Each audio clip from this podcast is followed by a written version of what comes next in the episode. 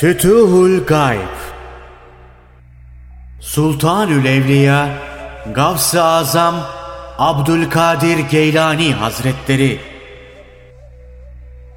46. Makale Yolumda olanın rızkına kefilim.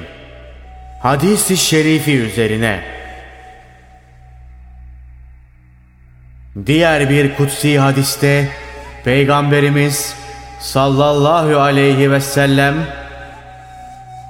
zikrimle uğraşıp benden bir talepte bulunmayan kimseye dua ederek ihtiyaç gösteren kimselerden daha fazla ihsan ederim buyurdu.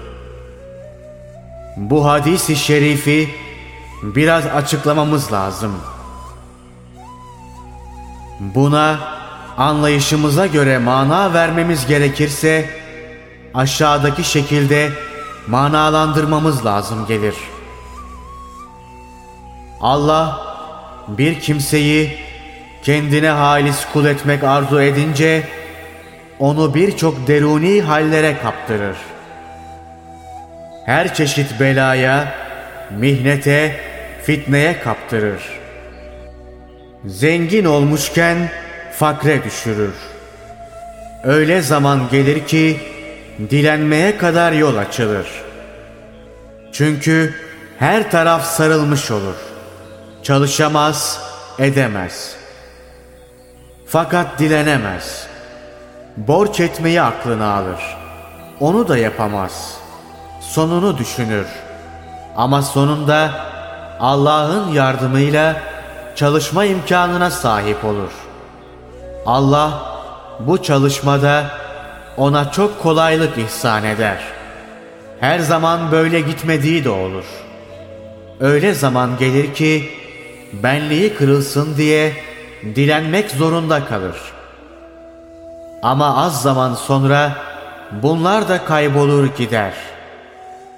Bu dilenme hususu birçokları için aynı olmaz. Düşkünlük zamanı dilenmek şirk olmaz.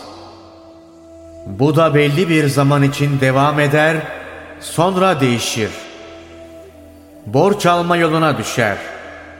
Bu da bir nevi mecburiyet tahtında olur. Sonra bu da geçer. Halkı bırakır.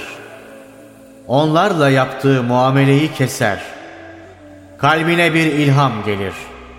Her derdini hal diliyle Allah'a açmaya başlar. Allah da ona bol verir. Sussa da gelir, hal dili susar, kalpten istemeye başlar. Bunların hepsi sırayla olur. Şu muhakkak ki dille istenecek olsaydı belki dilek yerine gelmezdi. Zaten bu hale düşen bir kimsenin halktan bir şey istemesi yerinde olmazdı ve mümkün de değildi. Çünkü Allah onu her uymaz işten esirger. Bilhassa zatını bırakıp halka koşmaktan. Durum böyle olunca her ihtiyacı bol verilmeye başlanır ve artık beşeri durumuna lazım olan her şey kolay temin edilir.''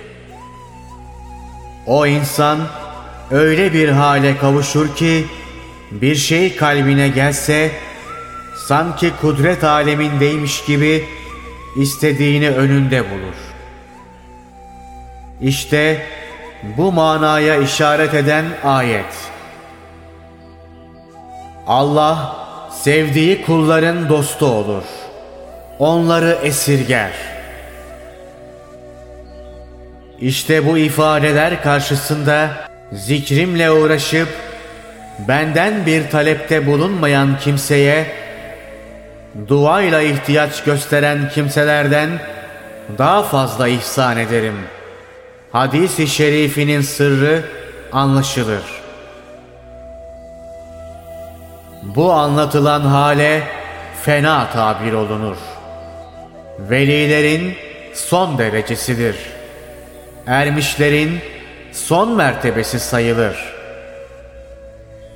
Bundan sonra bir nevi keramet sayılan yapma ve icat etme gibi haller zuhur eder.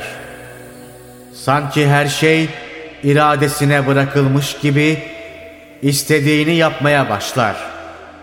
Çünkü o insan kendisinde değil hakladır.